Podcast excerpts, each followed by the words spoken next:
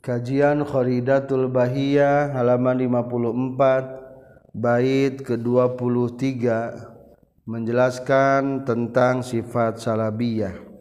Bismillahirrahmanirrahim. Alhamdulillahirabbil alamin. Allahumma salli wa sallim wa barik ala sayyidina wa maulana Muhammad wa alihi wa sahbihi ajma'in. Amma ba'du. Qala al-mu'allifu rahimahullah wa nafa'ana bi ulumihi amin ya Allah ya rabbal alamin. Wahiyal qidam bizati fa'lam wal baqa wa qiyamuhu bi nafsi nil tatuqa Wahiyal qidam bizati fa'lam wa qiyamuhu binafsinil tatuqah wahia sareng ari sifat salabiah alqidamu eta kahiji kidam bizati kalawan kizam dati. Falam maka kudunya ho anjeun. Wal baqo sareng kadua sifat baqo hartosna langgeng Allah. Maksudna daya tungtungna. Wa qiyamuhu sareng katilu qiyamuhu bin nafsih jumeneng Allah kalawan datna. Tebutuh kana tempat jeung tebutuh kanu ngayakeun. Nilta tah ngarawat anjeun at-tuqa kana katakwaan. Sifat salabiyah sadayana aya 5 di dia diacak dikarenakan mengikuti wazan nadzoman kalau kita susunkan sifat salabiyah yaitu kidam baqa mukhalafatu lil hawadisi qiyamuhu bi nafsihi wahdaniyat. Di dia mah kahiji kidam zati kadua baqa katilu qiyamuhu bi secara arti kidam hebel bako langgeng kiamu binafsi jumeneng kalawan datna. Ngan lawan menggunakan makna salabia kidam te ayami mitina bako te aya tungtungna kiamu binafsi te butuh kana tempat te butuh kanu ngayakeun. Mari kita maknaan mana salabiahna. Allah teh aya te aya mimitina te aya tungtungna te rupa jeung nu anyar tebutu kana tempat sarang tebutu kanu ngayakeun Allah te ayat te aya bing bilangan dinadat sifat damelna Nazom Sunda. Salabiyah kidam zati jeung bakona. Kiamuhu binafsihi sing takwana salabiyah kidam zati jeung bakona kiamuhu si penjelasan mengikuti sarah daripada Khoridatul Bahiyah.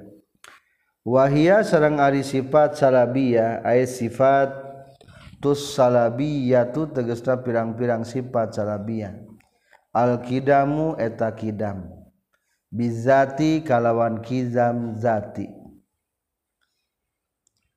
Ari kidam dati teh hebel na hiji perkara teu disarandekeun kanu sejen jeung teu kapiheulaan ku eueuh heula.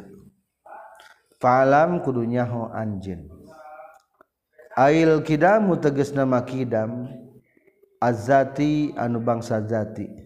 bimana annahu kalawan makna saestuna Allah qadimun eta nu qadim di zati pikeun zatna Allah.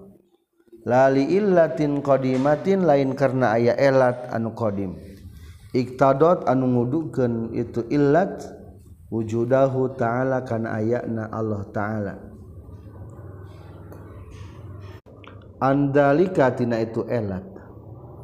Walaysa jeung lain naon almuradunimaksud Bil Kidamizati Kidamzati ma kana eta perkara. Qobala nu ngalawanan itu emma al-kidama kana kidam bil ghairi ku anu sejena. Kama sapertikeun perkara yu yaqulu nu ngucapkeun saha al falsafiyu ahli filsafat.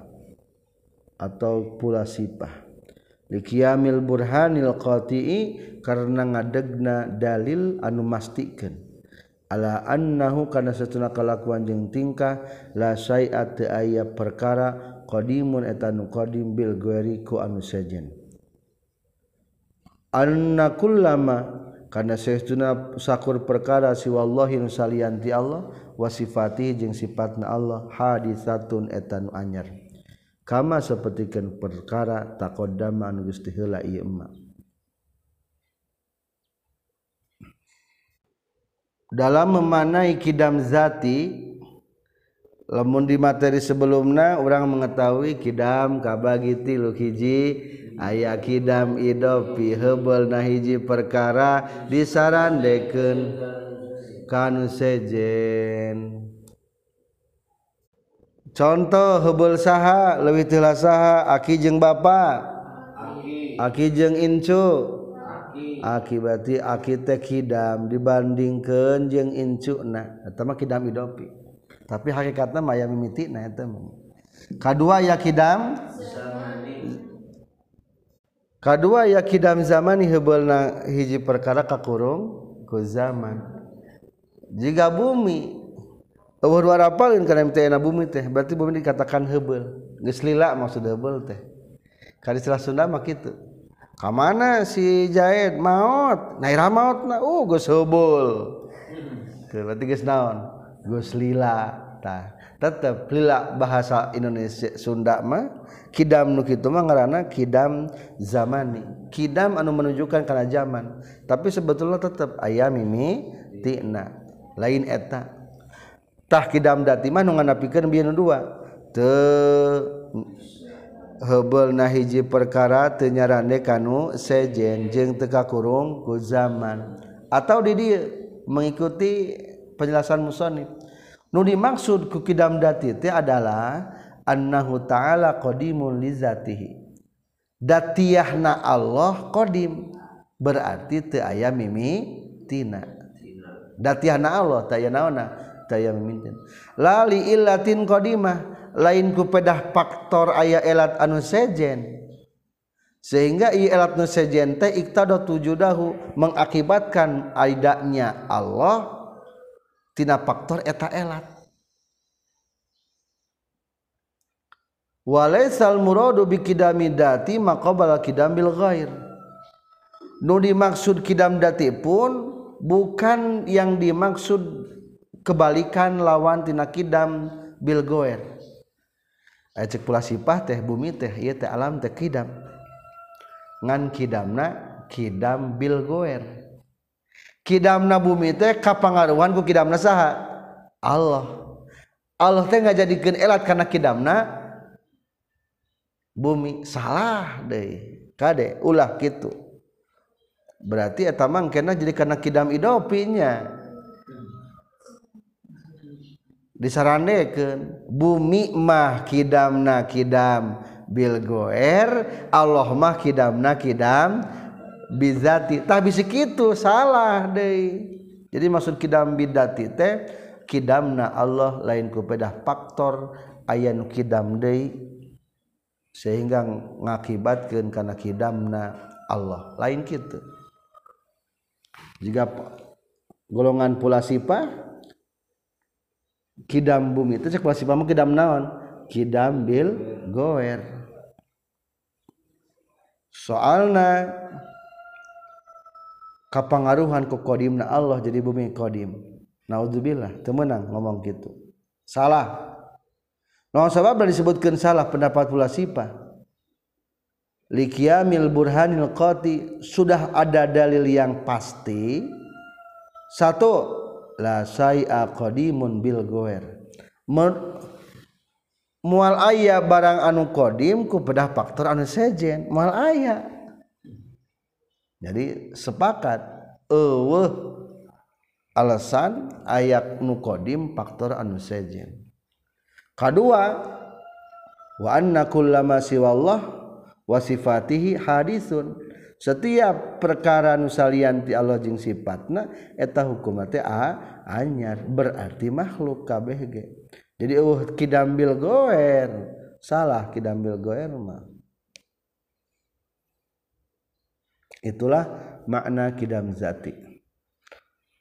Wa maknal kidami jeung ari makna tina sifat kidam salbul awwaliyati eta nyabut ayam mimitina ay annahu ta'ala tegasna saestuna Allah ta'ala la awwala eta tayammitina eta tetap liwujudihi pikeun wujudna Allah.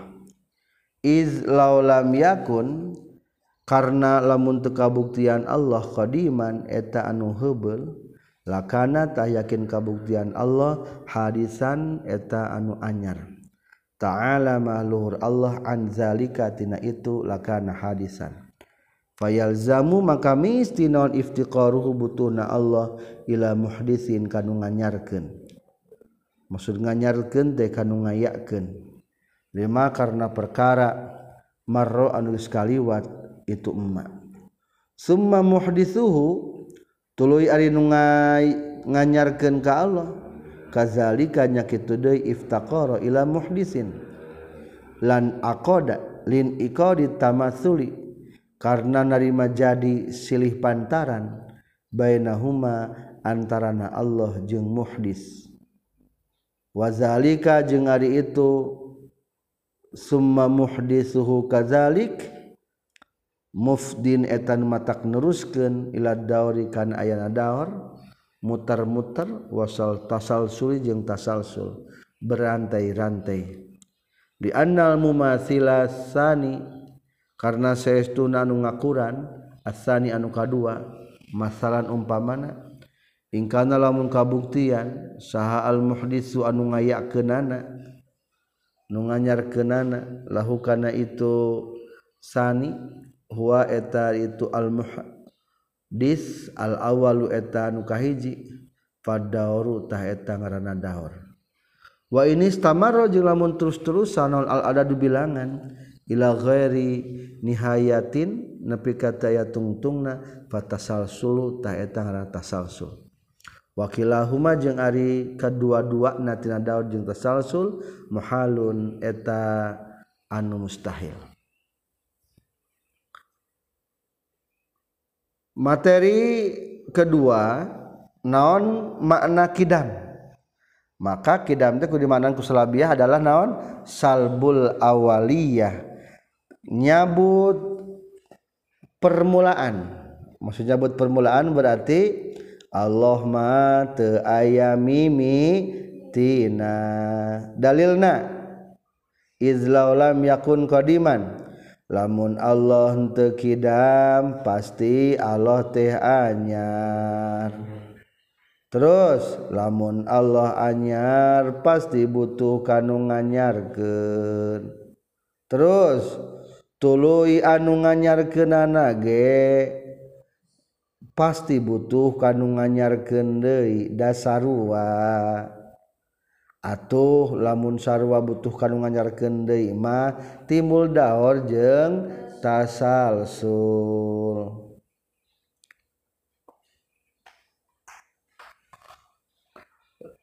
Soalnya serua sarua KBG Allah umpamana diayaken ku Allah anu kahiji Allah nu kahiji diayakeun ku Allah anu kadua. Andaikan umpama saling ayakeun Allah nu kahiji diayakeun ku nu kadua nu kadua ku diayakeun ku nu kahiji. Eta mah naon? Daur lamun berurutan ber ngaruntui Allah nuka hiji diayakeun ku Allah nuka dua Allah nuka dua Allah nu katilu Allah nu katilu Allah nuka opat teh tungtungna umpamana? Berarti tetap eta ngaranna naon? Tasalsu. Atuh loba ting Tuhan dalam dunia teh. Jadi simpulna mustahil dua dua jeung tasalsu daur jeung tasalsu Selanjutnya musannif menjelaskan gambaran mustahilna daur. amastihalatu dauri anapun ari mustahilna daur fazahiratun ta eta nu zahir li annahu karna satuna kalakuan jeung tingkah yalzamu eta misti. Alaihi kana ieu daur naon taqaddumu kullin miheulaan saban-saban sahiji min huma min huma tina tina awal jeung sani ditulis atau angka dua simpan di awal jeung simpan di sani. Ala sahibihi kabaturna itu kullun min huma wa ta'akhara jeung panderi naon an wa ta'akhurihi jeung panderina itu kullu min huma anhu tina sahibihi. Wa huwa jeung ari itu taqaddum kulli min huma ala sahibihi. Jamun eta perkumpulan baina mutanafiya ini anu dua duanana bal wayalzamu jeung balik tahmisti alaihi kana ieu daur aya deui naon taqaddumu kullin miheulaan saban-saban kulli wahidin miheulaan saban-saban sahiji min huma tina awal jeung sani. Ala nafsihi kana dirina itu kulli wahid. Wa ta'akhuri jeung padina tu kulli wahid an hatina nafsihi. Wa huwa jeung ari itu teh taqaddum jaliyul butlani eta jelas batalna. Jelas pisannya dawar mah teu kaharti. Lamun umpamana Allah nu kahiji menang nyieun Allah nu kadua. Allah nu kadua menang nyieun Allah nu kahiji kayak kumaha kahartina. Berarti mengakibatkan yazamu alaihi taqaddumu kulli minhuma ala sahibi. Aya nu mendahului salah satuna. Jeung aya nu panderi salah satuna. Eta teh perkumpulan anu moal bisa terjadi. Saling aya ke nu eueuh jadi aya. bahkan taqaddumu kulli wahidi minhum ala nafsi. Kadiri nage mendahului tebisanya teka hartos. Wa amma tasalsulu jeung anapun ari mustahilna tasalsul. Bali annahu tah eta sesuna itu tasalsul yuaddi eta ngadatangkeun tasalsul ila wujudi alihatin karena ayak na pirang-pirang Pangeran la nihayata nu aya tungtung na eta tetep laha pikeun ieu aliha kullun ari sakabehna itu aliha kullun ari sakabehna min hatina aliha muttasifun eta anu kasipatan bil hudusi ku anyar. Wal ajzi jeung ku apes wal iftikari jeung ku butuh. wahwa jeung ari kullu min huma muttasifun bil hudus batilun eta kalawan batal. Qat'an kalawan pasti. Li'annahu karna saestuna itu kullun minha muttasifun munafin etanu ngeuweuhkeun lima qamil uluhiyati kana derajat kapangeranan minal qudrati nyatana tina benghar wal tina kawasa wal ghaniyil mutlaki jeung tina benghar salam izil ajizu karena ari anu apes al faqiru anu butuh.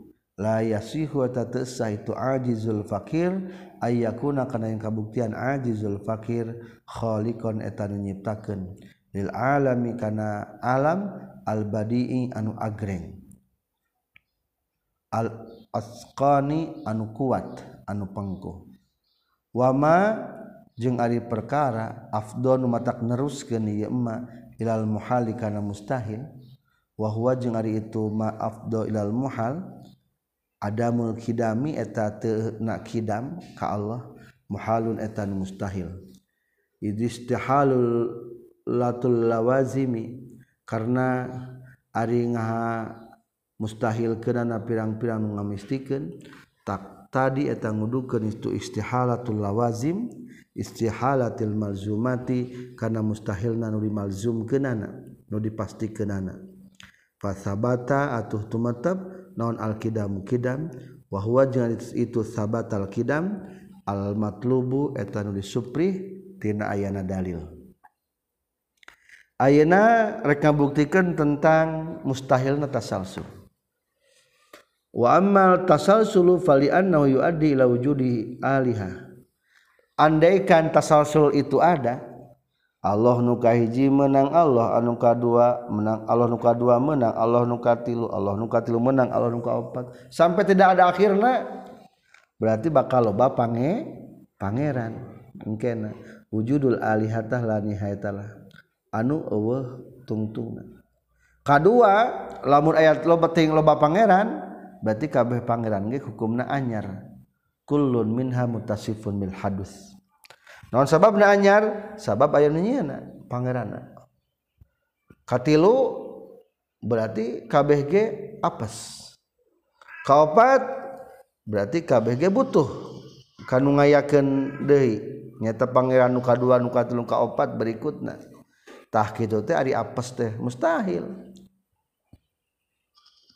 Teu pantes kana derajat ketuhanan dari ngaran Tuhan makudu kod kodrot jeung ginal mutlak benghar secara umum.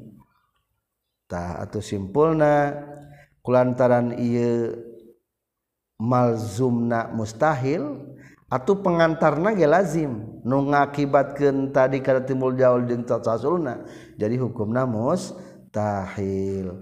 Atau kulantaran tadi nu mustahil teh lamun Allah anyar maka pijen atau Allah nu anyar nu aya mah kebalikan tina Allah anyar naon? Allah ki kidam. Maka tetapkanlah Allah kidam. Wahwa adamul kidam. Muhalun jadi istihalul lawazim tak tadi istihalal malzumat. Ari kid te kidamah disebut lazim anu ngamistikan menimbulkan lamun Allah nanti kidam engke bakal nimbulkan karena daur jeung tasalsul. Berarti malzum nanya eta nu mustahil oge nan hukumna. Atau nu tumetep adalah kebalikanana. Wasani sifatis salabiyati.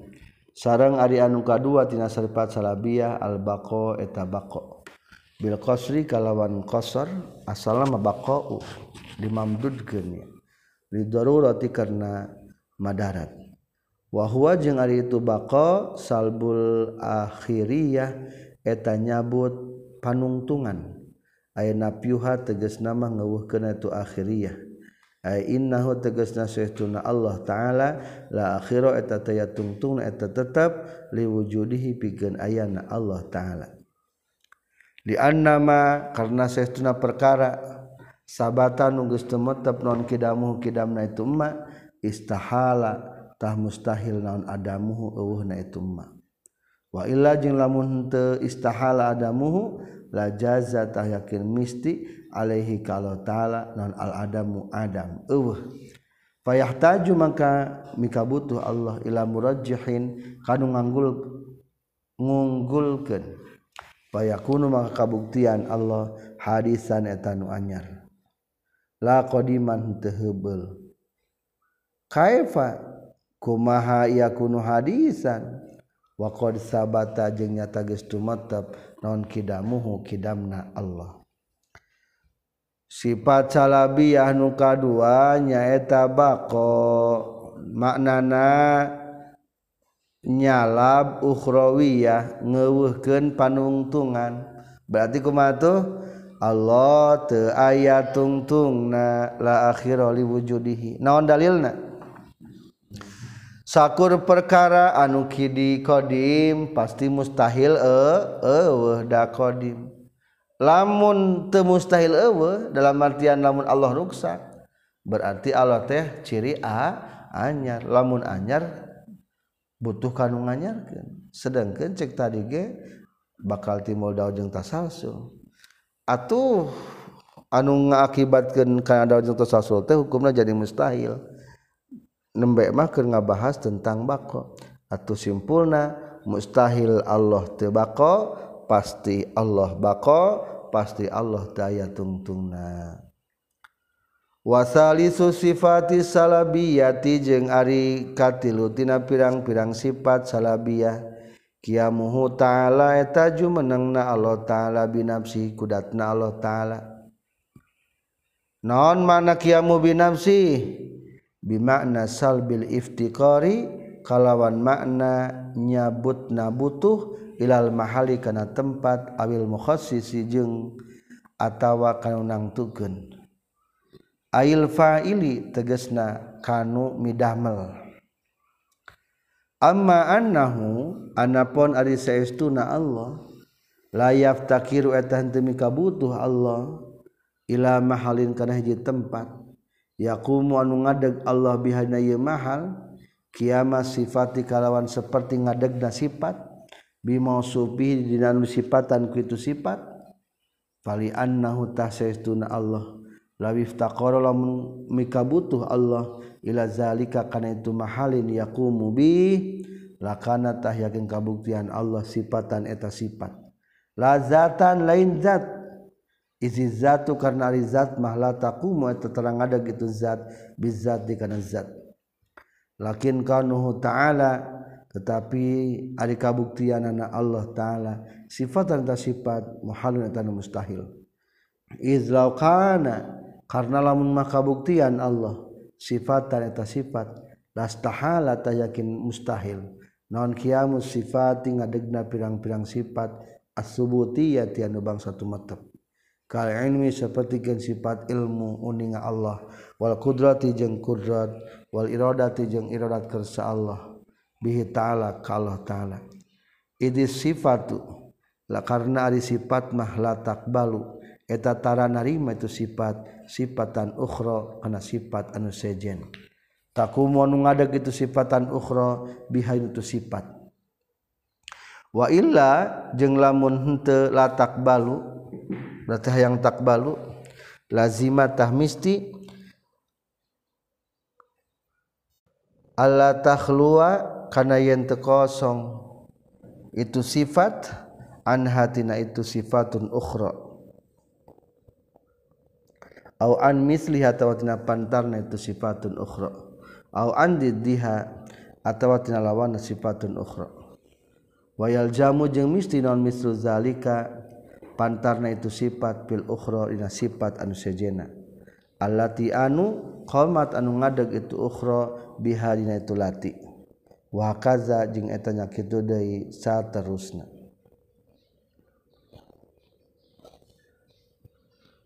izil qbulu karena narima Amrun eta hiji perkara nafsiun anu bangsa dat la Buddha anu misti naon ayat tahida. Narima ngahiji itu amrun bainal mutamasilaini antara anu silih sarupaan. Awil mutamasilati atau pirang-pirang anu silih sarupaan. Wa huwa jeung ari itu ayat tahida bainal mumasalah ini muhalun etan mustahil. Lima karena perkara yang zaman ngamistikan itu ma alihi kana ayat tahida bainal mutamasilain anitisofi sifat tina kasipatan al sifat bimisliha ku pantarna sifat wa bididdi hajeng kulawanan tu sifat. Aw bi khilafiha tawaku perbedana itu sifat.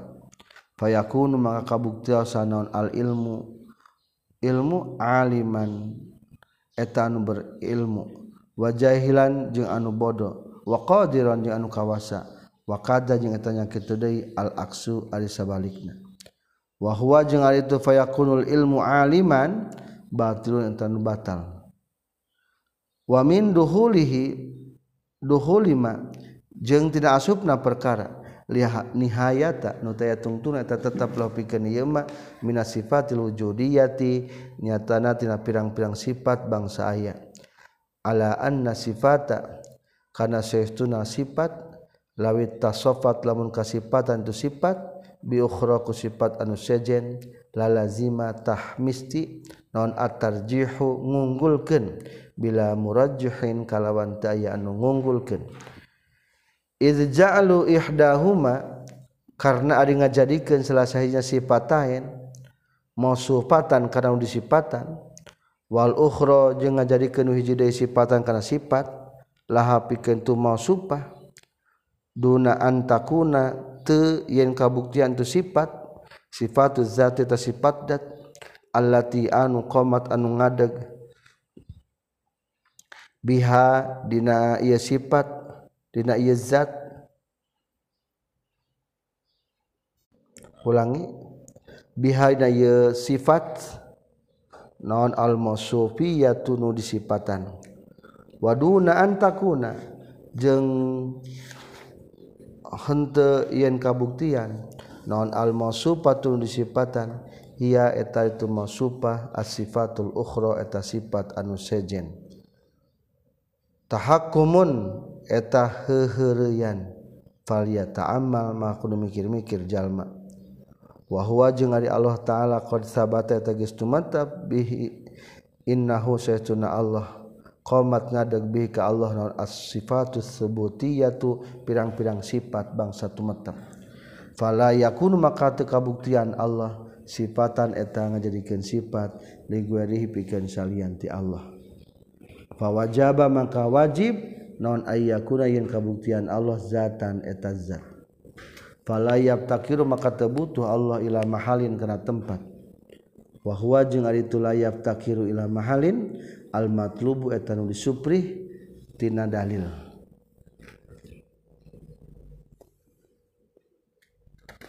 Para pelajar mengandung dua makna. Anu kahiji Allah tubutuh karena tempat mahal. Ari mahal teh istilah jang sifat.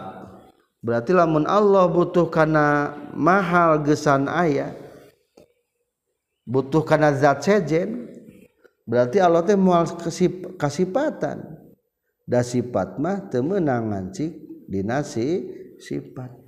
Mustahil eta teh. Sedangkan Allah taala kasipatan ku sifat anu sanesna. Berarti jelas Allah mah lain sifat anu ngancik dina zat anu sejen. Jeng lain dat anu butuh kana makan deh. Lolowong sapas nanu terikat ku jihad jeng hias lain. Sakumaha dina penjelasan sifat engkeknya mukhalafatul hawadis. Eta mah. makna kedua Allah tebutuh kanu ngayaken wa amma annahu jeung anapun ari saestuna Allah. Layaf takiru eta temi kabutuh Allah ila mukhassisin kanu nangtukeun. Ay mujidin tegasna kanu ngayakeun. Wa mu'sirin jeung kaunapakan falima tah eta karena perkara.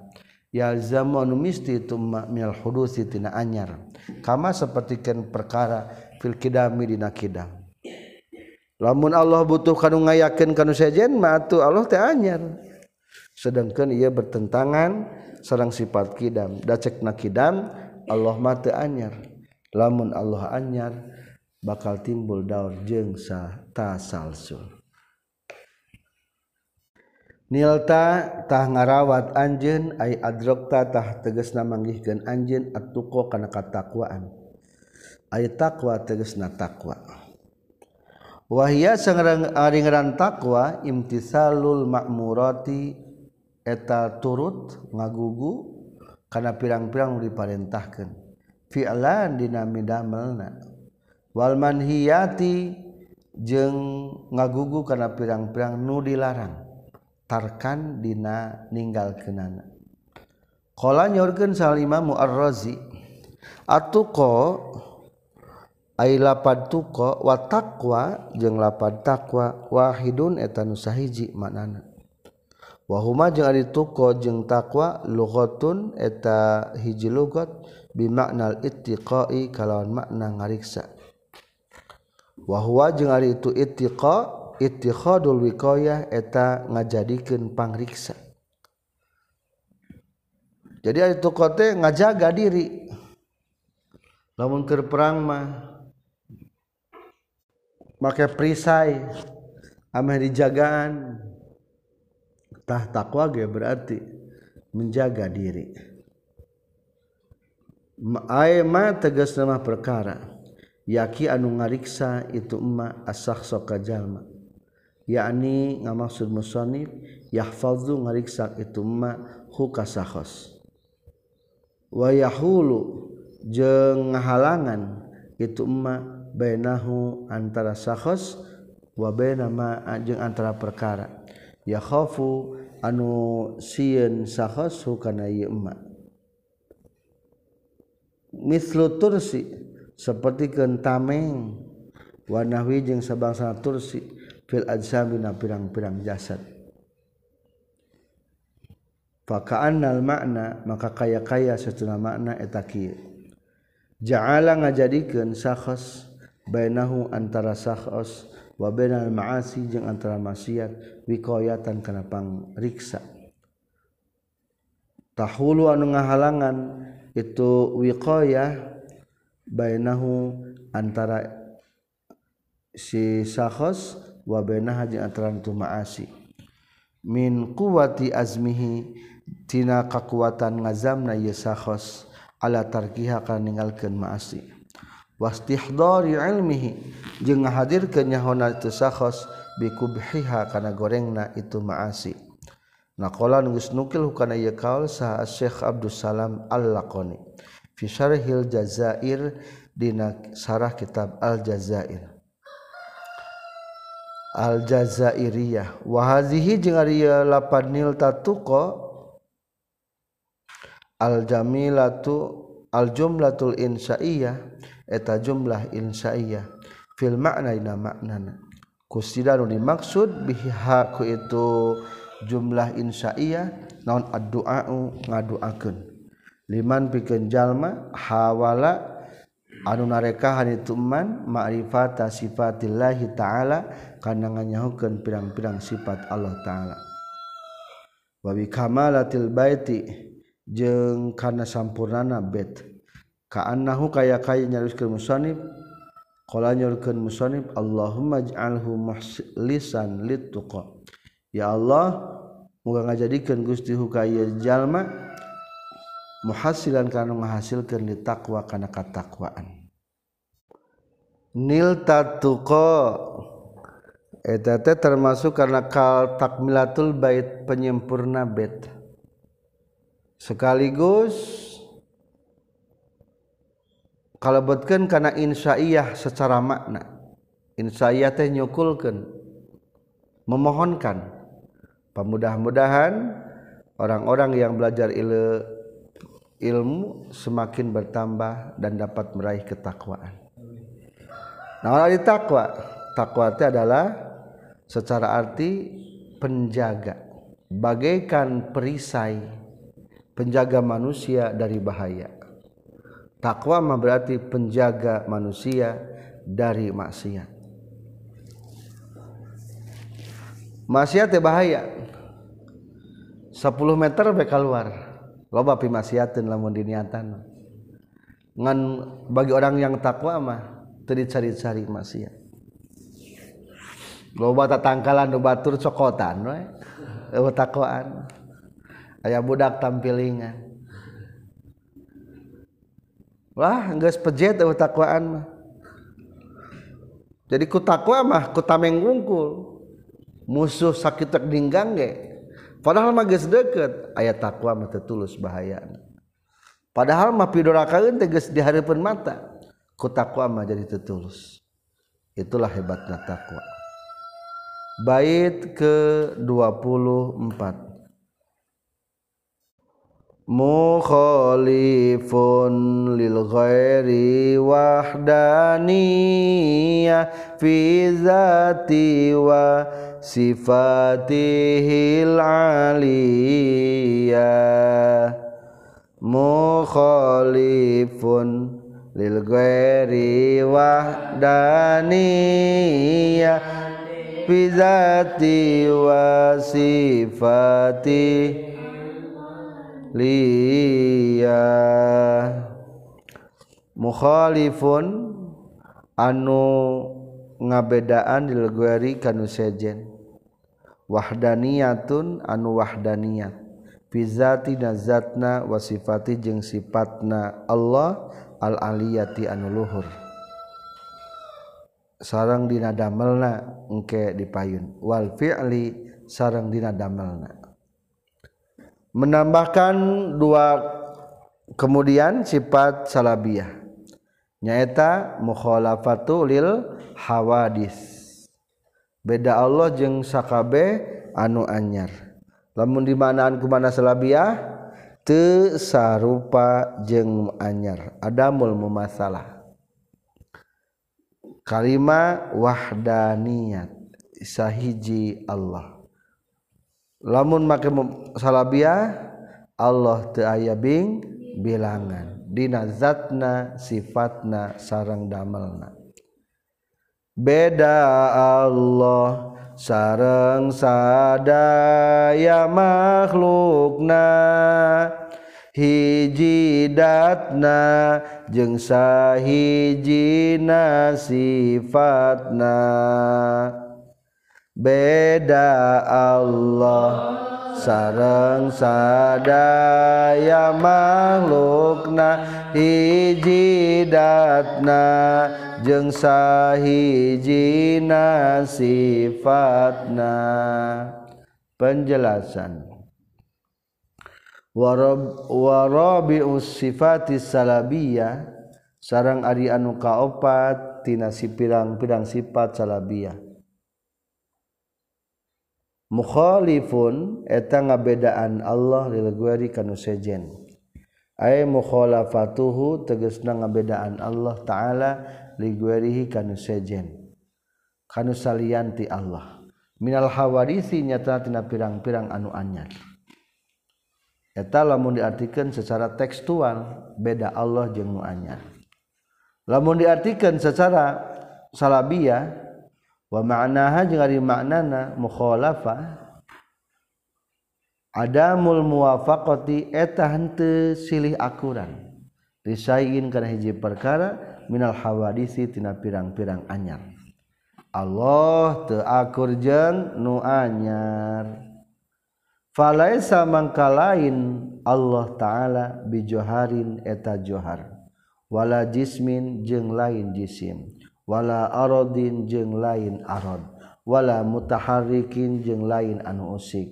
Wala sakinin jeung lain anu cicing. Kulantaran Allah tersarupa jeung makhluk hiji Allah mah lain johar. Ay johar teh artina naon? Jungkerang anu butuh kana lawang kosong. Atawa partikel. Johar pirid partikel nangan hiji. Lamun partikel na dua disebut naon? Ji jisim. Wala jismin lain jisim. Ya johar jeung jisim disebutna jirim. Lain dari jirim Allah mah. Berarti johar mah kalebetkeun kana makulatnya tak Allah malain makulat johar. Kedua makulatnya ya arad wala arodin lain arod dari Allah mah kulantaran lain arod maka Allah lepasnya sifat-sifat makhluk. Contoh Allah mah teusik tecicing mungkin otak orang teu harti teusik tecicing cek orang mana kamus orang lamun teusik bakal pasti nawan cicing tah Allah mah teusik tecicing usik jeung cicing mah paragi sifat makhluk tapi ulah dibayang-bayang kadek usik jeung teu cicing teh teu kenaan ku istilah eta eta mah paragi makhluk sifat-sifat makhluk Tipain setuningakeun semakin mengetahui Allah semakin tidak mengetahui Allah. Jadi orang mengetahui Allah bahwa Allah teh beda jeung makhluk, ta ulah bagi kabayang Allah teh lain. Allah mah teu usik teu cicing. Berarti begitu begitu naon tah otak sing begitu kabayang. Nah, jadi semakin mengenal Allah harus semakin tidak mengetahui Allah. Selanjutnya Allah teka sifatan ku sifat-sifat makhluk. Contoh wala yusopu jeung teu disipatan Allah bil kibari ku gede. Wala bisigori jeung wala bil faqiyati jeung tekasipatan ku bangsa luhur. Wala bi tahtiyati jeung tekasipatan ku bangsa handak. Wala bil hululi jeung tekasipatan ku ngenggon fil amkinati na pirang-pirang tempat. Wala bitihadi jeung tekasipatan ku ngahiji. Wala bil ittisali jeung tekasipatan ku antel. Wala bil infisali jeung tekasipatan ku pisah. wala bil yamini jeung teu kasipatan ku katuhu. Wala bis shimali jeung teu kasipatan ku kenca. Wala bil khalafi jeung teu kasimpanan ku tukangan wala bil amami jeung teu kasipatan ku hareupeun wala bi guari zalika jeung teu kasipatan ku salian tinu kabeh min sifatil hawadisi tina pirang-pirang sifat anyar. Allah mata ya sifat anu melekat kana jirim. Kan jirim mah pulpen letik gede. Letik gajah letik gede. Gede. Bumi gak gede letik tah uh, istilah kamus eta Allah. Soalnya lain jirim. Eta mah letik gede mah jangan pengungkapan kata jirim. Teka sipatanku tempat dan jihad. Ya jihad 10 tadi ayat di dianya harep tukang kenca katuhu luhur handap antel pisah luar jero. Luar jero nama teh ayahnya itisol inpisol ayah. Antel pisah. Teka sifatan ku eta. Eta mah jang nyipatan nu hawadis. Tuh mata kade. Kadek tujuan ngos mukholafahil hawadisi lain dek menemukan hakikat sah hakikatan Allah. Tapi hilangkan Allah daripada bayangan-bayangan makhluk. Ketika hati senang itu dihanap di luhur mah di tengah-tengah berarti. Iya tengah-tengah mah pergi jalma pergi makhluk. Ulah kabayang jika makhluk Allah ta'ala. Semakin mengenal Allah semakin tidak mengetahui Allah. Atau la ya'rifullaha illallahu. Fatarkul idraki idrakun. Tidak mengetahui sebenarnya itu sudah mengetahui sebenarnya.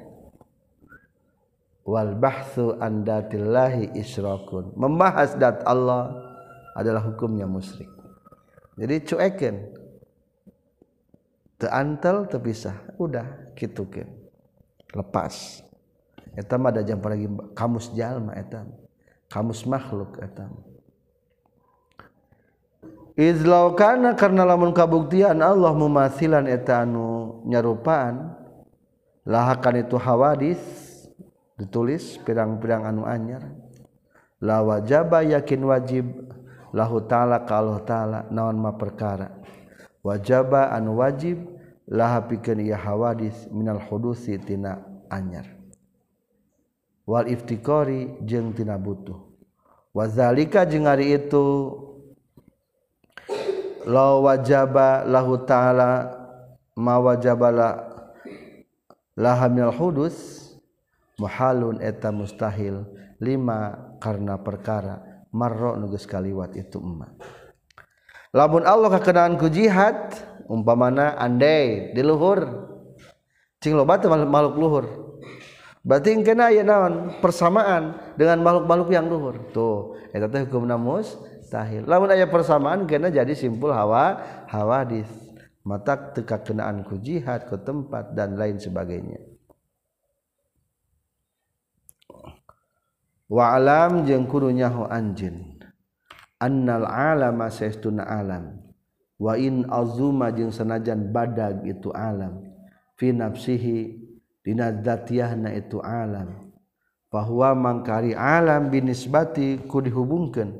Li azami qadratihi kana agung kekuasaan Allah.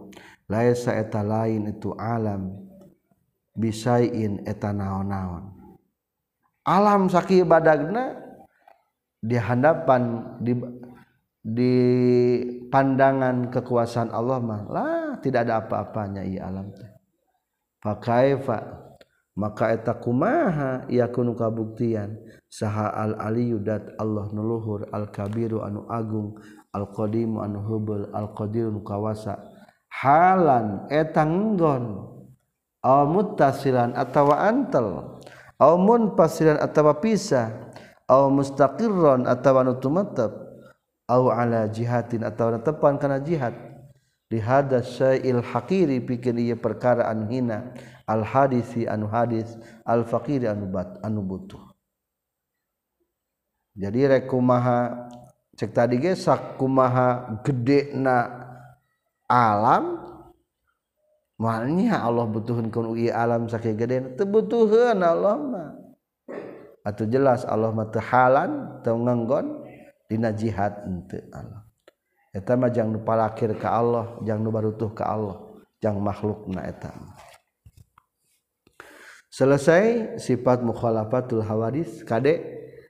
Hilangkan semua sifat-sifat makhluk ti Allah.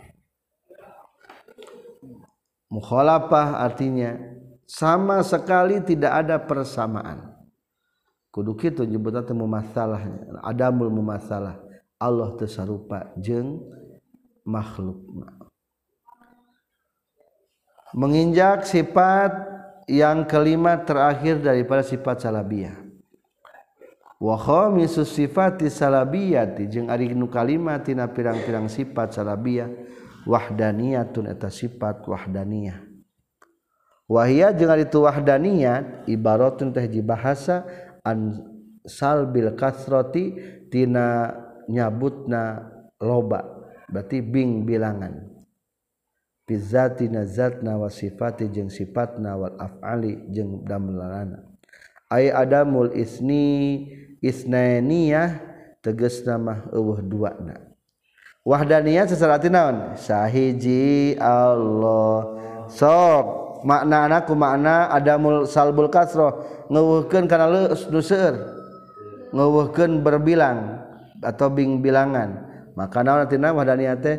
Teu aya bing bilangan dinadat sifat damelna. Adamul isnain teu dua teu tilu na jeung terusna berarti gitu. Wahdan niatna Allah dina tiga segi tilu macam. Hiji dina dat nage wahdaniyat dua sifat nage wahdaniyat tilu dina afal nage wahdaniyat mana penjelasanana? Fi zati dina zatna. Ay fi zatihi ta'ala tegas nama dina datna Allah ta'ala ittisalan kana mutasilna wan pisolan jeung kana munfasilna. Allah teh te bing bilangan dina datna baik dina mutasil jeung dina munfasil. Berarti tina date kabagi nyalab kana dua. Aya wadaniat bizat salab kamutasil kedua wadaniat pizzat salab kamun fasil. Kumaha manana? Fa wahdaniyatu zati mangkari wahdaniyat Allah dina zatna.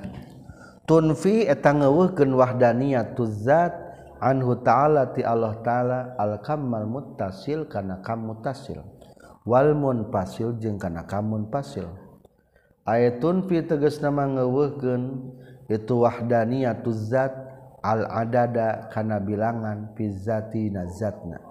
Muttasilan eta manu muttasil kana kabuktian adad au munfasilan atawa munfasil. Jadi taya bilangan. Maksud taya bilangan naon? Taya rangkepan. Fatun fi mangka nganapikeun itu wahdaniyatuz zat at-tarkiba kana aya rangkepan fi zatihi ta'ala dina zatna Allah ta'ala.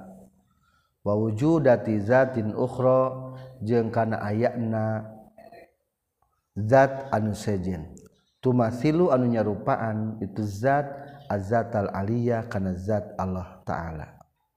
Jadi dua secara makna. Ngahentekeun aya rangkepan berarti kana mutasil. Keluar ngahentekeun aya anu sami jeung dat Allah. kumaha pi bahasa eunana kieu pi bahasa eunana ai innahu ta'ala tegasna saestuna Allah ta'ala laisat eta henteu naon datu datna Allah muraqabatan eta nu dirangkep-rangkep min ajzain tina pirang-pirang juz mutasilin anu antel. Ba'diha tegas nama kusawarehna itu ajza bi ba'din kana sawairah deui. waila jeung lamun telaisat datuhu muraqabah berarti maksud nama lamun mah Allah muraqabah lakanatah yakin kabuktian Allah mumasilan tanu sarupan hawadisi ka pirang-pirang anu anyar. Min haitsu tarkib dina pada dirangkepkeunana. Payah taju mangka bika butuh Allah ilaman kadat yurakibu anu ngarangkepkeun ieu man huka Allah. ngarangkepkeun teh nyusun. Bahwa jeung ari itu yahtaju ilaman yuraqibu muhalun eta anu mustahil. Wahdaniyat pizat salab kamutasil kumaha manana? Hiji nadat Allah lain rangkepan gabung ada orang mah gabungannya hiji najallma ayah panangan ayah sukuan ayah panonan ayah panca indraan ayah kulitan dagingan. Uh. pulpen ke gabungan KBG makhluk mah gabungan. Mual jadi lamun tengah gabung mah. Tah johar paling tah. Hiji hiji. Lain gitu deh Allah. Jadi Allah mah lain dat Allah mah lain menang ngagabungkan lamun dat Allah menang ngagabungkeun berarti aya jalma dat aya jalma nu naonna aya nu ngagabungkeunan Nah, jadi nu penting mah cek tadi ge sifat salabiah mah menghilangkan sifat kemahlukan. Lain kudu orang menemukan hakikat Allah. Tewajib bahkan ulah. Jadi kumaha manana wahdaniyat bizat salab kam mutasil ke dalam hijina Allah lain gabungan. Tina pirang-pirang juz anu bing bilangan kadua walaisa jeung teu aya lahu pikeun Allah nan nazirun anu ngabandingan pizatina datna Allah. Hiji nadat Allah te aya bandingan nana te aya dat nusami jeung Allah. Gitu tuh aya atau biasa kita menghafal hiji nadat Allah lain sebagian tinu sejen ngan di dieu mah redaksi katana lain salahu nazirun fidati teu aya nu ngabandingan kana dat Allah. Disebutna ieu mah wahdaniyat salab kamun pasil. Jadi ningalina keluar. Nu terpisahna berarti Ao atawa ae tegesna wa adamil isnaenia teu aya duana ittisalan dina mutasilna wan fisalan jeung munfasilna aidon deui. Fa wahdaniyatu sifati dina sebagian seratan ieu teh kakantun sebagai cetakan kieu kudu nama ao ai wa adamul isnaniyah fi sifatihil aliyah ittisolan awin fisolan. Jadi terbuang di dia lapad sifatihil aliyah.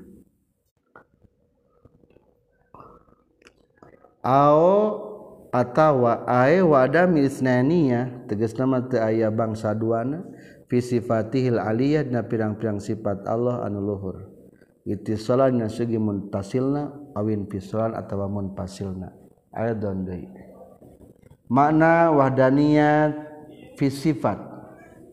Fa wahdaniyatu sifati mangkari wahdaniyat fi sifat. Tunpi eta ngeuweuhkeun wahdaniyatu sifat anhu ta'ala ka ti Allah ta'ala al kamal muttasil. Kana kam muttasil. Bilangan anu rapat Walmun pasil jeung bilangan anu pisah. Piha dina itu sifat. Ayatun fi tegasna mangeuweuhkeun tu wahdaniyah tu sifat. Al adada kana bilangan fi haqiqati kullin wahidatin dina hakikat saban-saban sahiji min hatina tu sifat. Muttasilan etama mutasil muttasil kana kabuktian itu adad omun pasilan atau anu terpisah. ay annahu tegesna saestuna Allah taala. Lahu eta tetepikeun Allah hayatun ari hirup wahidatun anu sahiji wa ilmun jeung ilmu wahidun anu sahiji. Wa hakaza jeung nya kitu di la aksaru te aya leuwih loba. Katilu makna wahdaniat fisibat salab kamu tasil kudu ngewuhkeun ming bilangan. Dina sifatna berarti kumaha? Hiji-hijina sifat Allah teu aya rangkepanana atau teu aya bing bilanganana. Tegasna sifat wahdaniatna Allah. Hiji kudratna Allah. Hiji hayatna Allah. Hiji ilmuna Allah ge hiji. Beda jeng orang orang mah ilmu loba cara masak jeng cara sasapu beda. Jeng cara ngaji beda deh jadi semakin banyak ilmu kalau semakin banyak lemah. Hari Allah mah dengan ilmu yang satu tahu sengebuahnya jadi gitu beda jeng jalma makhluk. Makna anu kaopat wahdaniyat fisifat salab kamun pasil walaisa jeung teu aya sama di ditu. Sahaman jalma yatasifu nu kasipatan itu man bisifatil uluhiyati ku pirang-pirang sifat kapangeranan. Siwahu ta'ala nu salianti Allah ta'ala. Ay wahdaniyatun tegas nama. Wahdaniyat ay adamul isnani tegas nama. Teu aya duana. So kumaha? sa di luar Allah te aya nu ngagaduhan sifat kapangeranan eta mah makna wahdaniyat fi sifat salab kamun pasil. Tersisa hiji deui. Ay wahdaniyatun tegas nama wahdaniyat ay adamul isnainiyah tegas nama eueuh duana fil fi'li dina damelna yakni ngamaksud. Musannif. Annahu ta'ala saestun Allah ta'ala mutasifun tanu kasifatan biwahdaniyatil af'al kuwahdaniat fil af'al. Falaisa mangkah teu aya sama di ditu. Sahaman dat lahu anu tetepikeun ieu eman fi'lun ari pagawean. Minal af'ali tina pirang-pirang pagawean siwahu salianti Allah. Ari wahdaniyat fil af alma ngan saukur nyalab anu mun pasil nawungkul. Jadi kumaha? Kalima makna wahdaniyat pisif fil afal salab kamun fasil. Teu aya nu ngagaduhan tapak damel salianti Gusti Allah. Falaisa sama man lahu fi'lun minal af'ali siwah. Izkullu maka nari sakur-sakur perkara siwahun salianti Allah ajizun etan apes. La ta'siro anu ta'aya napakan eta tetap lahu pikeun kullu ma siwahu. Fisain hiji perkara min asyai tina pirang-pirang perkara. Ari wahdaniyat fil af'al salab kamu tasil mah teu dicabut. Karena ari kamu tasil teh bing bilangan ke dalam. Berarti lah mau diartikan damel Allah seueur pada melanana. Betul teu betul. Tak eta mah berarti ulah dinafikeun entas bae betul. Aya. Jadi waktu aya wahdaniyat fil af'al salab kamutasil sabab betul damel Allah mah seueur. Maka ulah dihenteukeun ulah kieu. Pada melan Allah henteu seueur salah. Eh, eta jadi disalab kamutasilna wal masyhuru jeung ari numutkeun kaul masyhur fi isbatil wahdaniyati dina netepkeun wahdaniyatna. Allah burhanu tamanui eta dalil silih tolak. Al musyari anu diisarahkeun ilahi kana ieu burhanu tamanu naon qaul bi qauli ta'ala kudawan Allah ta'ala. Law kana fihi ma alihatun illallahu la fasadata. Lamun mah kabuktian fi maina samawati wal ard di langit jeung di bumi saha alihatun pangeran illallahu angin Allah la fasadata. Yakin bakar ruksak itu aliha. Lamun di langit dan di bumi ada Tuhan selain Allah maka pasti bakal ruksak berarti disebutkan eta karena tidak burhanu tamanu silih tolak. Ulah boro-boro sifatna lamun Allah naloba naudzubillah ieu mah kade. Raja bae raja presiden bae presiden rame komo ieu pangeran. Maka eta teh burhanu tamanu disebutna. Dalil anu bertolak belakang lamun andaikan Tuhan itu lebih dari bukan satu pasti akan terjadi silih serang silih bela silih pertahankan. Wahasiluhu berlanjut di kesempatan yang lainnya. Subhanakallahumma bihamdika asyhadu an la ilaha illa anta astaghfiruka wa atubu ilaik